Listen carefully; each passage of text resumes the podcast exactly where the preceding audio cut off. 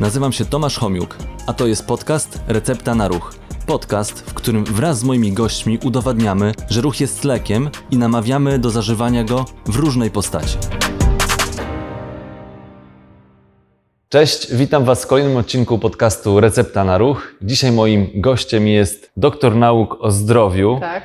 Katarzyna Bażant, fizjoterapeutka i specjalistka od stóp. Od stóp, między innymi od stóp, głównie od stóp, tak. No właśnie, gdzie się tymi zajmuję. stopami się zajmujesz? Poradnia chorób stopy, Centrum Medyczne Medicum. Mamy dwie placówki, jedną większą na Wysockiego i mniejszą na ulicy Migdałowej, na Urszulowie, Warszawie. w Warszawie, tak. Więc pracuję tam w zasadzie od samego mojego początku kariery zawodowej. Okej, ale to od początku kariery zawodowej, jeszcze będziemy wnikać, kiedy to był ten początek, ale kiedy tam tymi stopami zaczęłaś się Od zajmować? 2010 roku. No to 2010, czyli Łatwa zasadzie... data do zapamiętania. Tak, No i dlaczego akurat e, stopy? Dlaczego stopy? Szukałam tematu pracy magisterskiej. Szukałam osoby, która się zajmie moją pracą magisterską, będzie moim promotorem, opiekunem.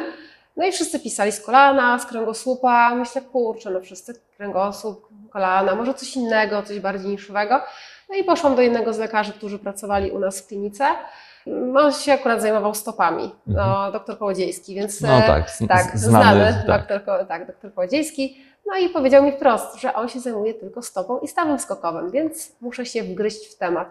W temat się wgryzłam. Nie miałam za bardzo pomocy takiej fizjoterapeutycznej, ponieważ mało kto zajmował się w tym czasie stopami. Teraz jest tych osób znacznie więcej, Tak, to wiem. ale Mhm. Na tamte czasy mało kto z tym się zajmował, więc szukałam pomocy w literaturze zagranicznej, która też jeśli chodzi o rehabilitację była bardzo ograniczona, więc jakoś musiałam stworzyć te protokoły powolutku sama, dojść do wszystkiego małymi krokami i tak w tym zostałam w temacie do dnia dzisiejszego.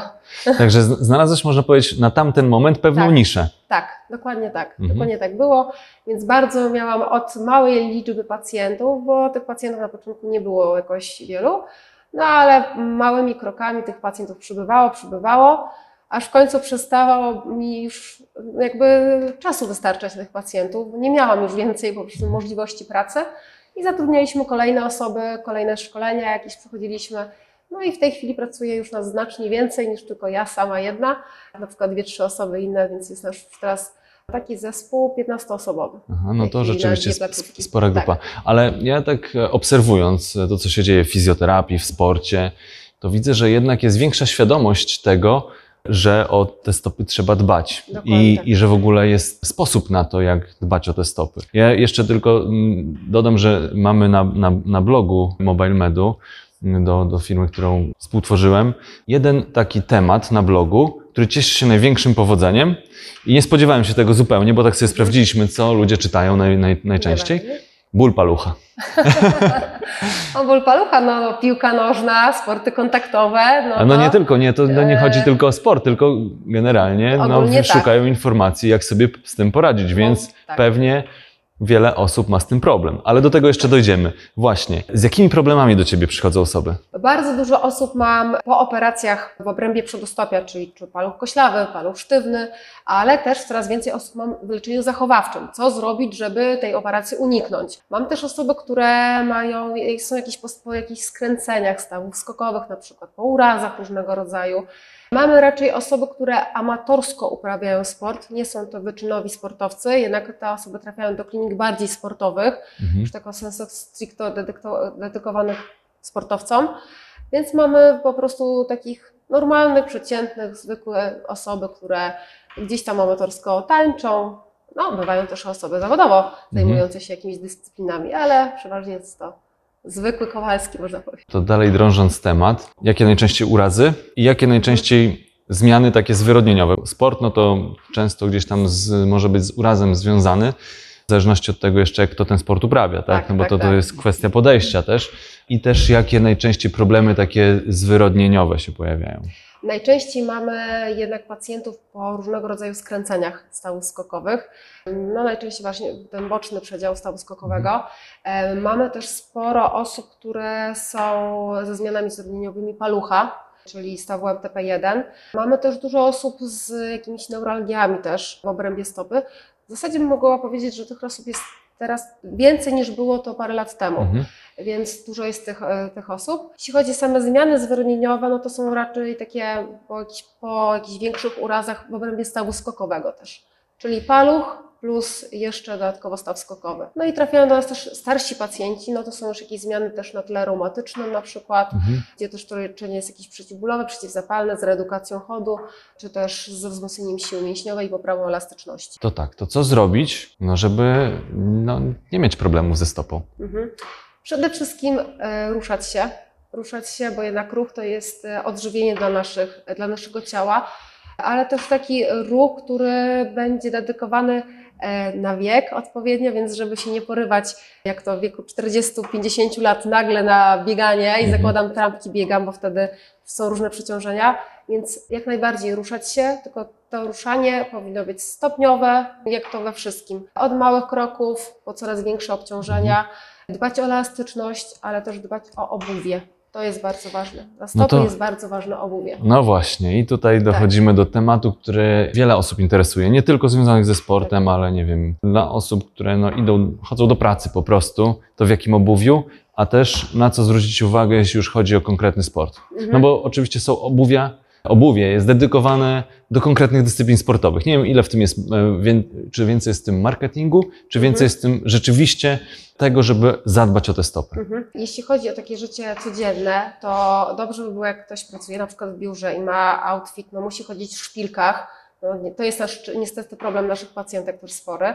To dobrze jest po prostu mieć, e, założyć w ciągu no, na drogę zwykły but, a już w biurze zmienić na ten but obcasowy i wąski. Taki tak tylko do powiem. stania, że tak powiem. Słucham? Taki tylko, żeby postać i Postać pokazać i się. posiedzieć, tak, i posiedzieć, a pod biurkiem, jak jest możliwość, mieć zawsze takiego jeżyka, taką piłeczkę jakąś golfową, czy tam tenisową, albo jeżyka i masować sobie te stopy, żeby je rozluźniać. To jest bardzo fajne, bo przynosi też ulgę dla, Mhm. dużą dla stóp takich obciążonych. Więc problem też taki z obuwiem naszym jest, że my nosimy często za małe obuwie. Okazuje się, że kupujemy sobie, wydaje nam się stopa 39, no to kupimy 39. No a jeszcze się rozejdzie. Ale no jeszcze się rozejdzie, rozbija, albo strasznie mi się one podobają i nie ma w innym rozmiarze. Muszę mieć konkretnie, konkretnie te. Ale potem się okazuje, że ten but się tak za bardzo nie rozchodzi, ta stopa ma ciasno i to, co jest jeszcze największym mankamentem, ludzie kupują buta do palucha, dopasowują do palucha, a Mhm. nie no, do najdłuższego palca. Okazuje się, że, Że- dosyć często dłu, dłu, ten drugi palec jest tym dłuższym palcem. No i mamy problem, no bo jak szukamy palucha w bucie, no to niego nie znajdujemy i but jest za mały i potem się robią palce e, młotkowate czy też młoteczkowate.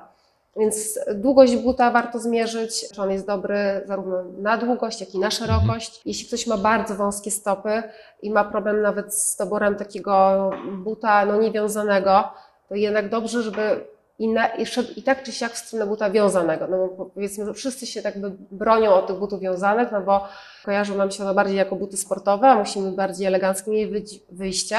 No ale jeśli nam but spada ze stopy, no to albo wkładamy lekką wkładkę, żeby wypełnić ten but, albo po prostu kupujemy i tak czy siak buty sznurowane. Czy jakiś konkretnie jest taki potrzebny dystans, w sensie między palcem, tym najdłuższym, a Mhm. Końcem buta, tak jakby w środku? Czy, Mhm. czy potrzebujemy pewnego zapasu? Tak, mówią, że nawet taki zapas, e, jak włożymy nasz palec z tyłu, suniemy z całą stopę do przodu buta Tak?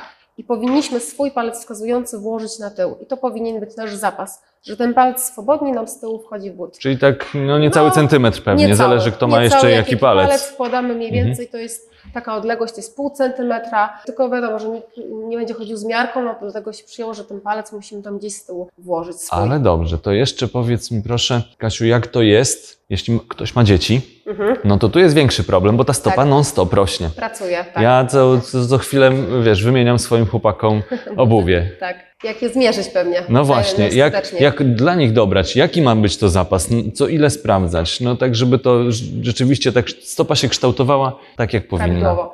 Ogólnie e, najlepiej dziecko postawić jest na kartce papieru. Jak mamy całą stopę, to pionowo rzucamy długopisem przy najdłuższym palcu. Pionowo robimy kreskę i z tyłu odpięty też robimy pionowo kreskę. Mamy wtedy długość Samej buta. stopy. Samej stopy, tak. Tak. I wtedy możemy już, często w obuwiu dziecięcym jest to rozmiar powiedzmy 23 i długość, i to pod spodem jest długość wkładki. Więc patrzymy nie na rozmiar 23-26, tylko na długość tej wkładki, która jest, bo ona będzie odpowiadała długości tej, którą my I też, wymierzyliśmy. I też zapas. I też, taki zapas około pół centymetra, nawet dzieci mówi się centymetra. No tak, no bo zaraz tak. stopa urośnie i znowu będzie za, Tak, tylko za że ten but też nie może być za, Za duży dla dziecka, Mhm. bo dziecko będzie się potykało. Dobrze, to jaki może być ten zapas największy? No bo wiesz, ludzie centymetra. kupują trochę na zapas, Tak, rzeczywiście, żeby ta mówią, stopa że urosła. Do, to, to jest to do centymetra. Do Pół centymetra. do centymetra. To jest taki zapas do dziecięcego buta. I to, co jest ważne, to dziecięcy but w przedszkolach, bo moja córka też chodzi do przedszkola, mm, dobrze jest nie mieć butów wiązanych, bo dziecko musi samo wiązać Tak. sobie buty, więc przedszkolak czteroletni nie zawiąże buta. Więc szukamy butów na rzepy najlepiej, które możemy regulować jeszcze dodatkowo Mhm. w jakiś tam sposób. I to, co często ja widzę i nie mogę po prostu tak na to aż patrzeć, jak kupujemy malutkim dzieciom sandałki, piękne, złote i piętki są obok, bo nie mają one za z tyłu tej, tej zapiętki, tak? Aha. Takiej małej zapiętki, tylko Czyli są, wypada pięta wypada z pięta tego w ogóle z sandałka. tego sanda, sandała. Więc no też przestrzegam przed takimi butami. Obserwujmy te nasze dzieci jednak, w jakich obuwiu, jak, jak stopa się zachowuje w danym obuwiu, tak? Mhm. Także lepiej, żeby miało mały zapięteczek, ten sandałek. Z przodu mogą być luźne, wolne palce oczywiście, ale z tyłu jednak, żeby był ten zapiętek, żeby ta stopa nie wychodziła obok podeszwy. Dobrze, sama stopa, a staw skokowy, jaka wysokość tego e, obuwia? Kiedyś nosili obuwia z nadstaw skokowy. No właśnie, tak, nie, nie. że unieruchomiali. e, Tak, to jest mhm. najgorsze, co mogło być, bo ta stopa musi pracować. Tak, Jeśli damy unieruchomienie od staw skokowy, no to gdzie nasze czucie głębokie, czy ta stopa nie umie się zachować w przestrzeni? Jak stanie dziecko potem na kamyk, no to fajnie, no bo jakby unieruchomiona jest cała stopa, to bez problemu. Mhm. Potem na bosaka może te nóżka się po- podwinąć. Więc do kosteczki buty normalnie, do stawu skokowego, czyli do tej kostki bocznej, przyśrodkowej, e, buty najlepiej właśnie na jakieś rzepy, czy jakieś ściągacze, które dziecko będzie mogło łatwo sobie założyć. Buty, które są z przodu też szersze, nie zwężane do przodu, więc trzeba patrzeć, żeby ten but dla dziecka był w miarę też szeroki, żeby mieściły mu się po prostu e, paluszki bez ścisku. Bo już od samego początku wtedy kształtujemy dziecku stopę na ścisku. Więc szerszy but, lekki z tyłu zapiętek, do stawu skokowego, co innego w zimę. No bo w zimę wiadomo, że czy w kaloszach musimy mieć ponad staw skokowy but. Mhm. Ale tak to nie.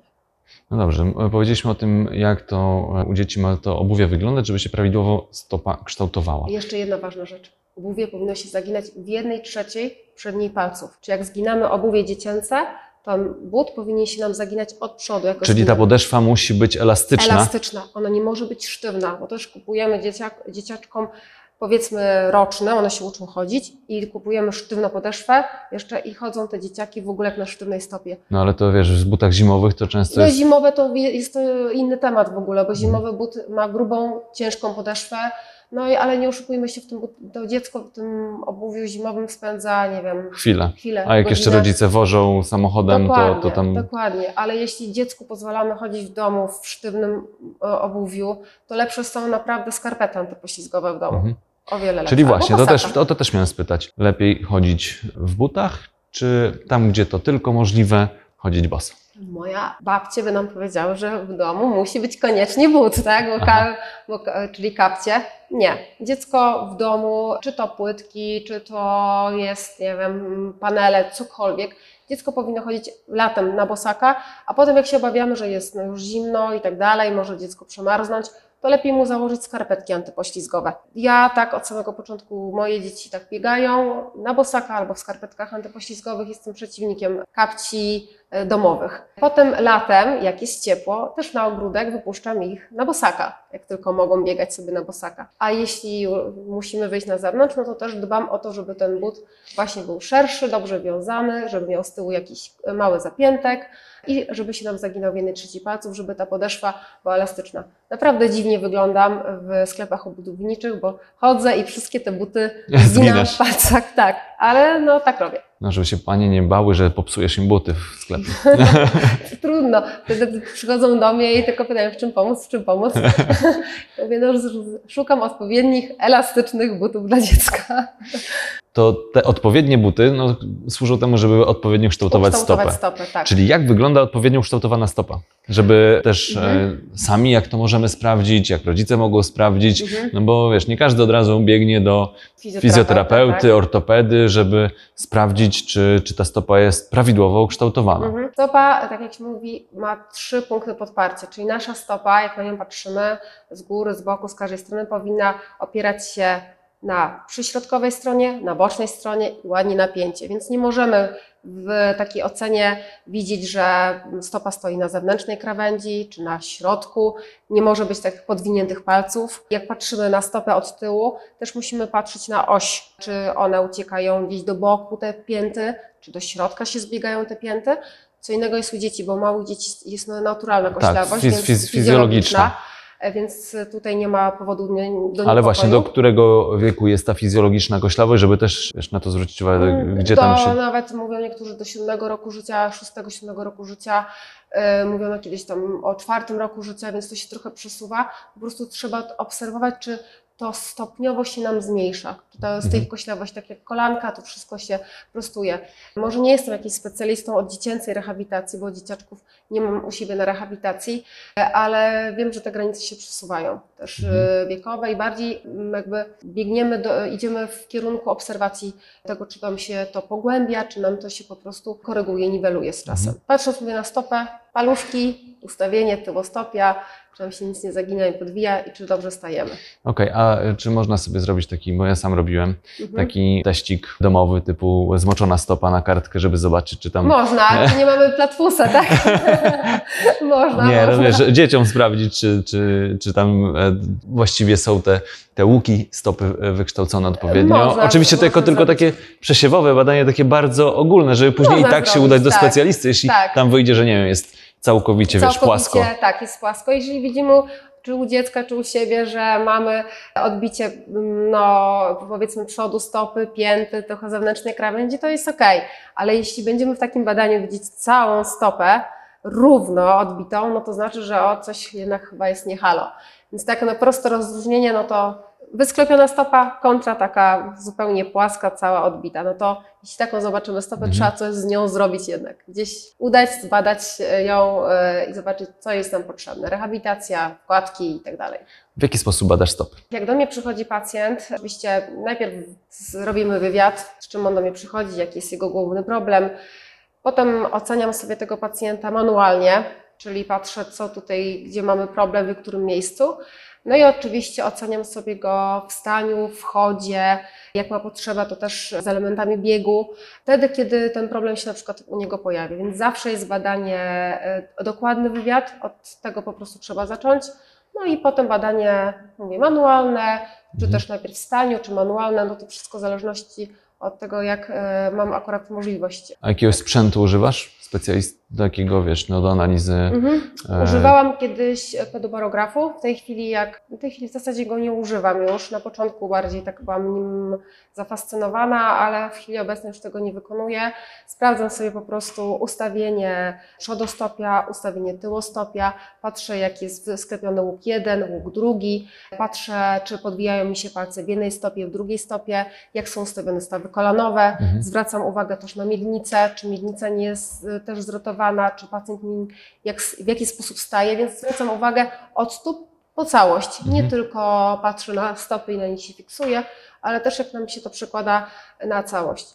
Też warto podkreślić, że my jesteśmy niesymetrycznymi osobami i też jak jeden łuk jest trochę obniżony, drugi jest inaczej wysklepiony, to nie znaczy, że ten jeden i drugi jest patologią. Jeśli nie ma problemu z tym, no to znaczy, że to nie jest jakaś Mhm. patologia i że to nie sprawia komuś problemu. No. Także tak to, tak to mnie wygląda. Staram się raczej szczegółowo i nie używam żadnych badań. Jeśli wiem, że ktoś potrzebuje wkładek, bo widzę, że ktoś potrzebuje tych wkładek, wtedy mamy, mamy u nas osoby, które te wkładki wykonują, są to fizjoterapeuci i wtedy oni też na podstawie badania manualnego, Mhm. badania takiego komputerowego, na platformie komputerowej, dobierają dopiero na tej podstawie wkładki. No właśnie, bo z tymi wkładkami to też różnie Tak. tutaj są zdania podzielone. Czy warto wybrać się, badać stopę i zawsze używać jakiejś tam wkładki? Jeśli mamy jakiś problem ze stopą, to tak.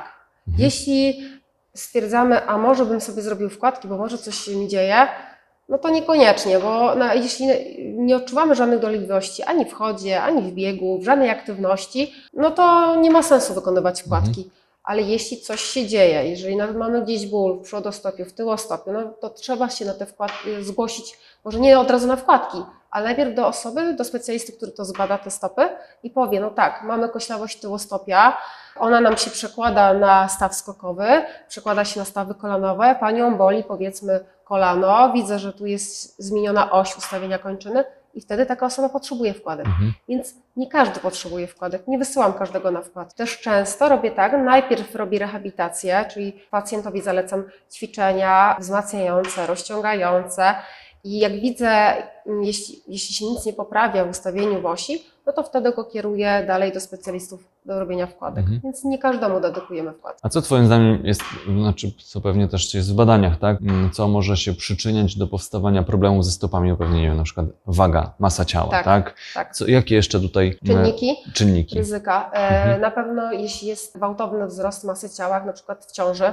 i działanie relaksyny, no to też stopa nam się jakby rozpłaszcza, tracimy tą, e, te więzadła tracą swoją moc, siłę i ulegają rozpłaszczeniu. Osoby, które na przykład przechodzą menopauzę kobiety, no to też ten sam czynnik działania, Mhm. więc to sprzyja nam powstawaniu deformacji różnego rodzaju. Obciążenia genetyczne różnego rodzaju, czyli mamy hi- hipermobilność łączno-tlenkową, Mhm. no to sprzyja nam powstawaniu na przykład palucha koślawego i choroby metaboliczne, y, czyli na przykład mamy nie wiem, dynę moczanową, będzie nam mogło to rzutować na powstanie palucha sztywnego.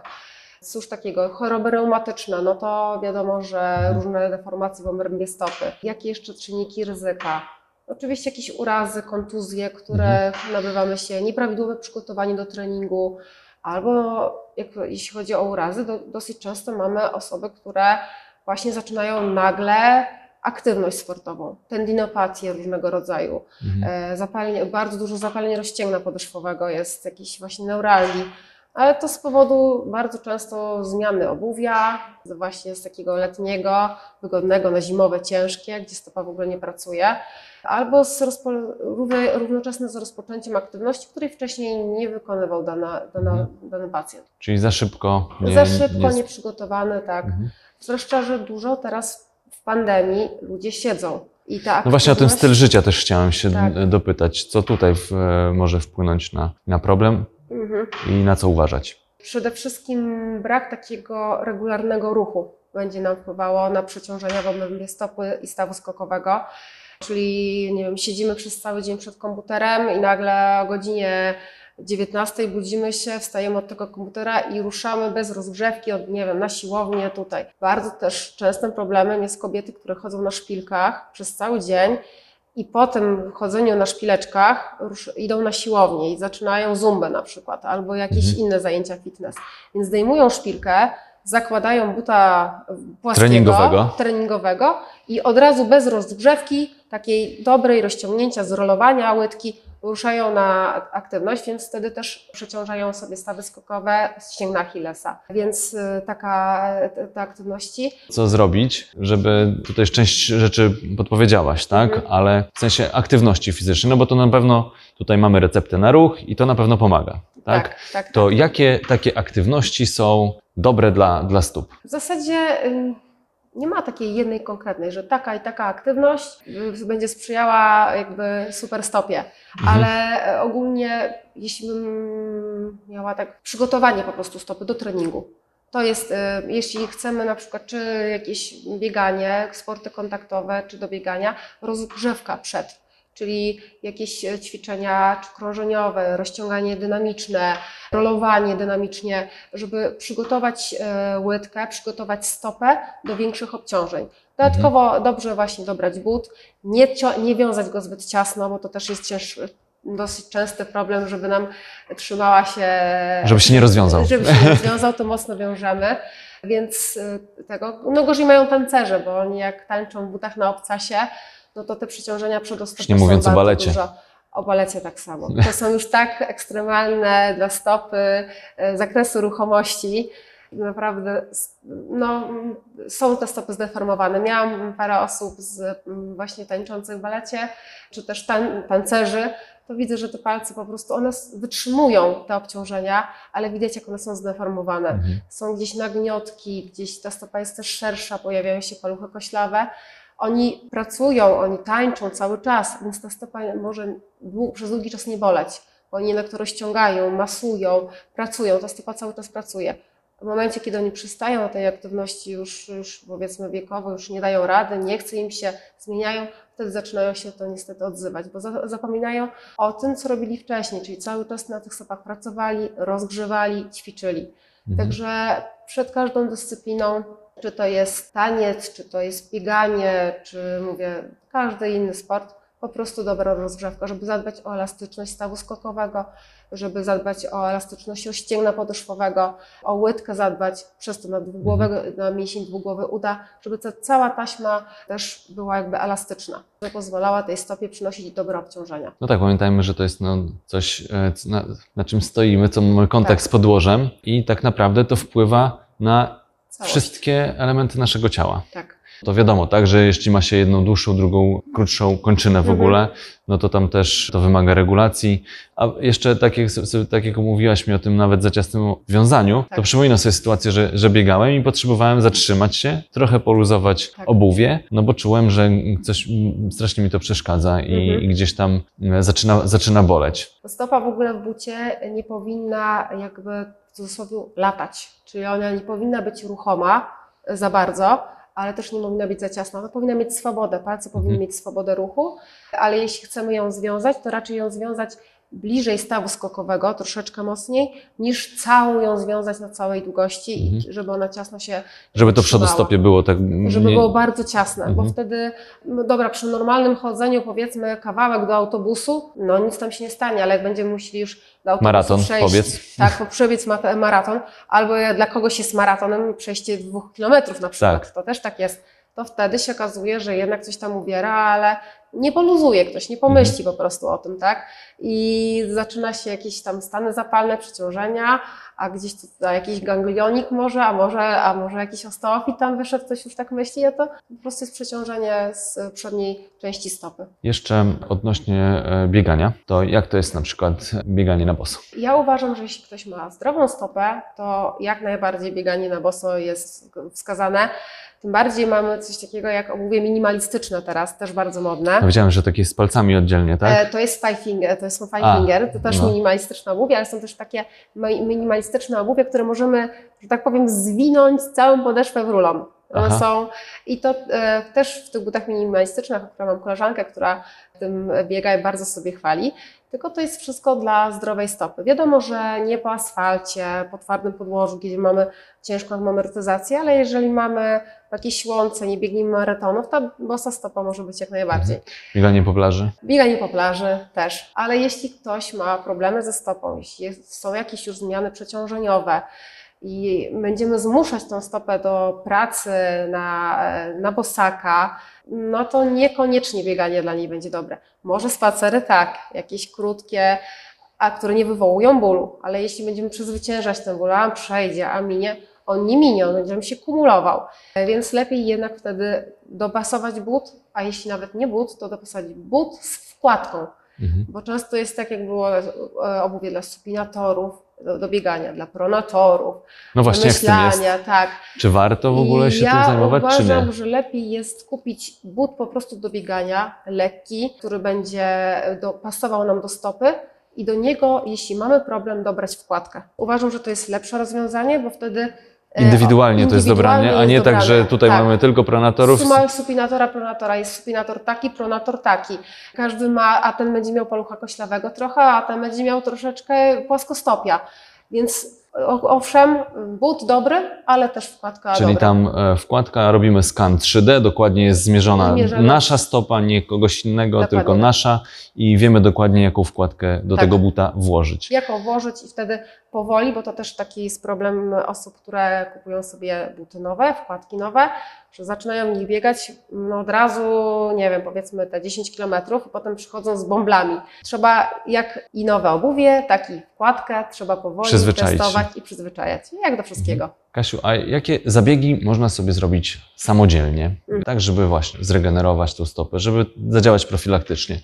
Czy jakieś zabiegi takie z, nie wiem, odnowy biologicznej? Tu powiedziałaś częściowo, że te masaże, Tak, piłeczka, piłeczka, tak, role, ro, rolerek może, Jeżyk jest ale super. jeżyk- Można, tak, jak stopa jest przeciążona, to jeżyka powolnym ruchem, masaże, nawet jak są te stopy zmęczone, obrzęknięte, to tego jeżyka czy piłkę golfową można włożyć do letniej wody z solą jakąś. Mhm. E, Solą można kupić sól bocheńską albo nawet taką miesza, samą, samą sól kuchenną po prostu wsypać i wtedy zrobić taki masaż, no to już mamy taki relaks dla stóp. Jeśli mamy obrzęknięte łydki, no to wystarczy położyć się blisko ściany, nogi na ścianę i wtedy ruszamy stopami góra-dół, żeby też odprowadzić te obrzęki, przynieść ulgę tym opuchniętym łydkom, stopom. Na pewno też taką odnową dla biologiczną będzie rolowanie. Mhm. Rolowanie łydki. Wiem, że to nie jest przyjemne, ale y, przynosi dużą ulgę i daje takie no, stonowanie mięśniowe, y, odpoczynek, poprawia nam krążenie, więc roller, rolowanie na jakimś wałku, oczywiście gładkim, Mhm. żeby przynieść taki odpoczynek dla, dla łydek zmęczonych. Masaże. Jak mamy kogoś w domu, kto nam wykonuje masaże jakieś, albo nawet jak, nie wiem, mąż zaproponuje żonie, wymasować stopy, też oczywiście y, można się Albo temu odwrotnie, poddać. albo w drugą odwrotnie, stronę. dokładnie, bo na pewno też to przyniesie ulgę, zwłaszcza jak ktoś nosi przez e, większość dnia niepasujące obuwie, jakieś właśnie ciasne. Coś mi jeszcze takie przychodzi z domowych. No ćwiczenia wszelkiego rodzaju rozciągające, nawet samemu masowanie tej stopy. Jest taka fajna technika, gdzie wkłada się swoje palce między palce stopy i wtedy można sobie tą stopę e, Pomobilizować same pomobilizować samym. I to naprawdę przynosi dużą ulgę. Jak są takie uczucie jakiegoś ścisku w przodostopiu. Więc wtedy włożyć palce między palce i trochę poruszać. Kasiu, jeszcze mam takie pytania, bo takie, nie wiem, które konkretnie problemy najczęściej się przytrafiają, ale mi ze stopą, tak jak swoich pacjentów, co najczęściej miałem, to, to albo halux, Mhm. Albo właśnie ostroga piętowa. Mhm. Jakbyśmy tylko te dwa, no bo wiesz, nie, nie mamy e, czasu, nie wiadomo Wiem. ile, ale żeby tylko o tym powiedzieć, na co się najlepiej, z czego, z czego skorzystać w takich sytuacjach. Czy w ogóle jest jakieś zachowawcze leczenie? Tutaj mówię o haluksie.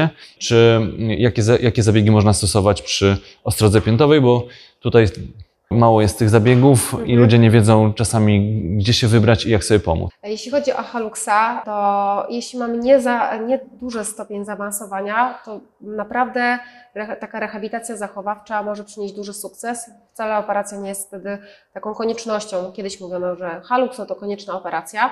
Wtedy możemy udać się do fizjoterapeuty, żeby pokazał on ćwiczenia, bo tak naprawdę w zaciszu domowym też możemy wykonywać takie, tak zwane ćwiczenia aktywnej stopy, czyli jak e, aktywujemy mięśnie, które te, wzmacniają ten trój, e, trójpodparcie, e, ćwiczenia wzmacniające mięsień odwodziciel palucha, żeby tą przyśrodkową część torebki stawowej Mhm. trochę napiąć. Przy okazji ćwiczenia rozluźniające środek stopy, mięśnie głębokie stopy, e, ćwiczenia też rozciągające ścięgno Achillesa, a z zabiegów fizykalnych, jeśli mamy stan zapalny, no to możemy zastosować różnego rodzaju jonoforezę z lekiem przeciwzapalnym, Ale to chłodzenie. samemu sobie nie, nie zrobimy. Ale rzeczywiście nie. gdzieś się wybrać, no to, to Wybrać się, żeby nawet zro... bo ciężko mi jest tak e, powiedzieć, e, taką, taką, dać taką receptę, że proszę wykonywać teraz ćwiczenia, e, nie wiem, trzech, trzech punktów- otwarcia, bo, Bo tego nie wiedzą Nie, nie wytłumaczę ludzie. tego Mhm. w ten sposób, więc najlepiej się udać na jedną taką wizytę,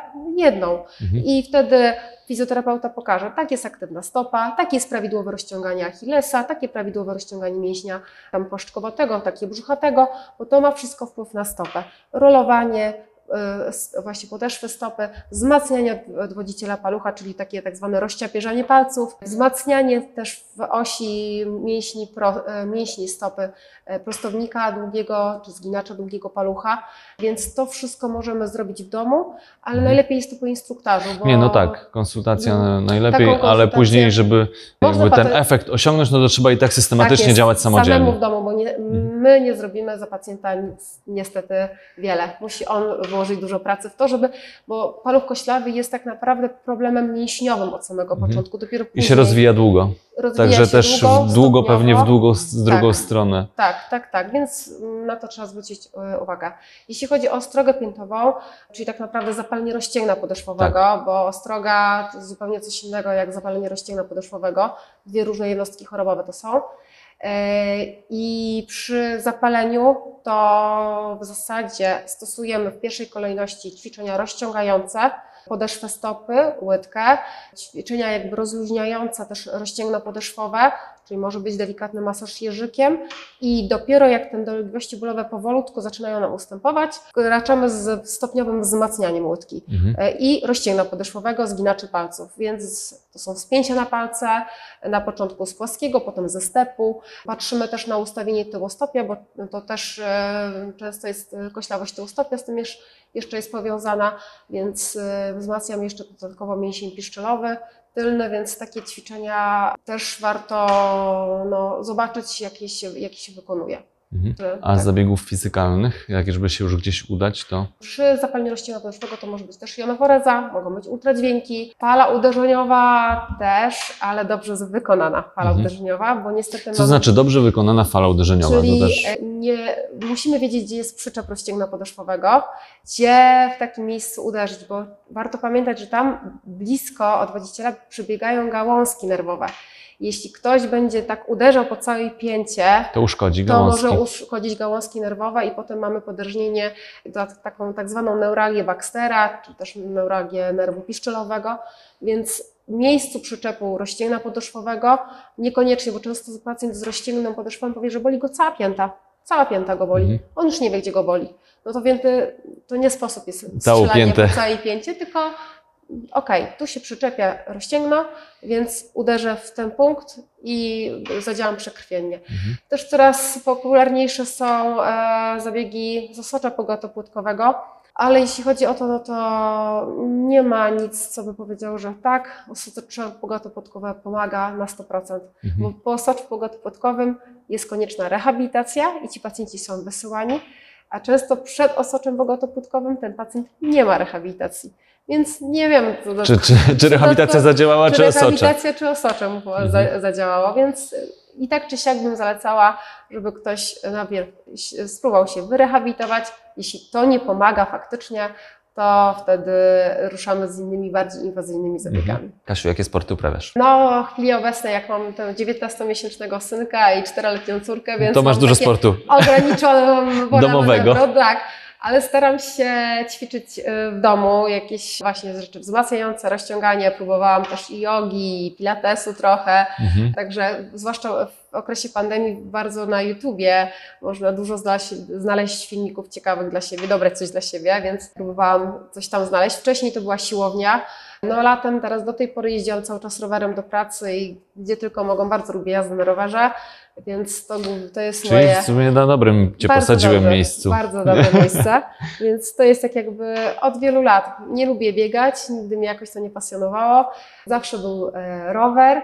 E, Pływanie, no to tak powiedzmy okazjonalnie bym powiedziała, więc raczej ćwiczenia domowe, mówię kiedyś siłownia. Ale co fajne, jak ćwiczę w domu, to widzę też moje dzieciaki ćwiczą ze mną. No właśnie, od razu uczysz od małego. Od małego. Jest, mamo, włącz mi tego kangurka, ja chcę jak kangurek skakać. To jest super. Cieszę Nie się no, rodzice powinni zarażać ruchem. Tak, także fajnie. I moje dzieci też widzę, że jedno na hulajnodze próbuje, to 19-miesięczne. No jak wiadomo, jak to wychodzi. No ale Mhm. starsza córka na rowerze już e, sama jeździ w zasadzie w wieku Mhm. 4 lat. No Fajnie. to szybciutko. Ale co, y, miała najpierw ten taki biegowy rowerek, czy... Miała biegowy. Miała, Miała biegowy, biegowy. także jeździła na biegowym, a później zaczęła na zwykłym rowerze, ale nie na tym, nie, da, nie dawałam kółek, bo po Mhm. tylko próbowałam ją z kijkiem tak uczyć. Na, Ja to w zasadzie tak u, u siebie to dawno temu było, ale chłopaki jak jeździli na tym biegowym, mhm. y, to właściwie praktycznie dostali pierwszy raz rower z pedałami Mhm. i, i od razu. Od razu, no tutaj ona też bardzo szybko Bez załapała. tam żadnych kółek, kija, niczego, tylko tak trzymałem i tylko trochę pomagałem. No, ja, ja, ja miałam taki wspomagacz, żeby w razie czegoś się uratować. Zresztą ona tak wołała, że mamo, Trzymaj mnie na wszelki wypadek. No ale bardzo Aha. szybko, 4 lata i była z nami na wycieczce wakacje rowerowej, takiej krótkiej, bo krótkiej, ale była. Także fajnie. Masz jakąś receptę na ruch? Receptę. Mam taką receptę, żeby każdy z nas ruszał się w miarę swoich możliwości i znalazł na wszystko, na, na, dla siebie czas, bo my tego czasu dla siebie mamy bardzo mało, więc żeby znaleźć ten czas dla siebie i znaleźć go w formie ruchu, jakiejkolwiek, spaceru, nordic walking, nie marsze, cokolwiek. Rower. Żeby, rower, ćwiczenia w zaciszu domowym, ćwiczenia oddechowe, bardzo ważne, uspokajające. Jeśli nie mamy na nic czasu, to chociaż te 5 minut, e, 10 takiej codziennej aktywności dla siebie. To naprawdę dużą przynosi ulgę. To jest recepta dla zabieganych mam, tak samo. tak. Kasiu, dziękuję Ci bardzo. Było mi Bardzo bardzo dziękuję. miło porozmawiać o stopach. Mam nadzieję, że przydatnie. No też mam nadzieję. Zresztą możecie skomentować, czy, czy Wam się podobało. Zapraszamy. Zapraszamy. Przypominam, podcast Recepta na Ruch co środę o godzinie 12. Dziękuję i do zobaczenia.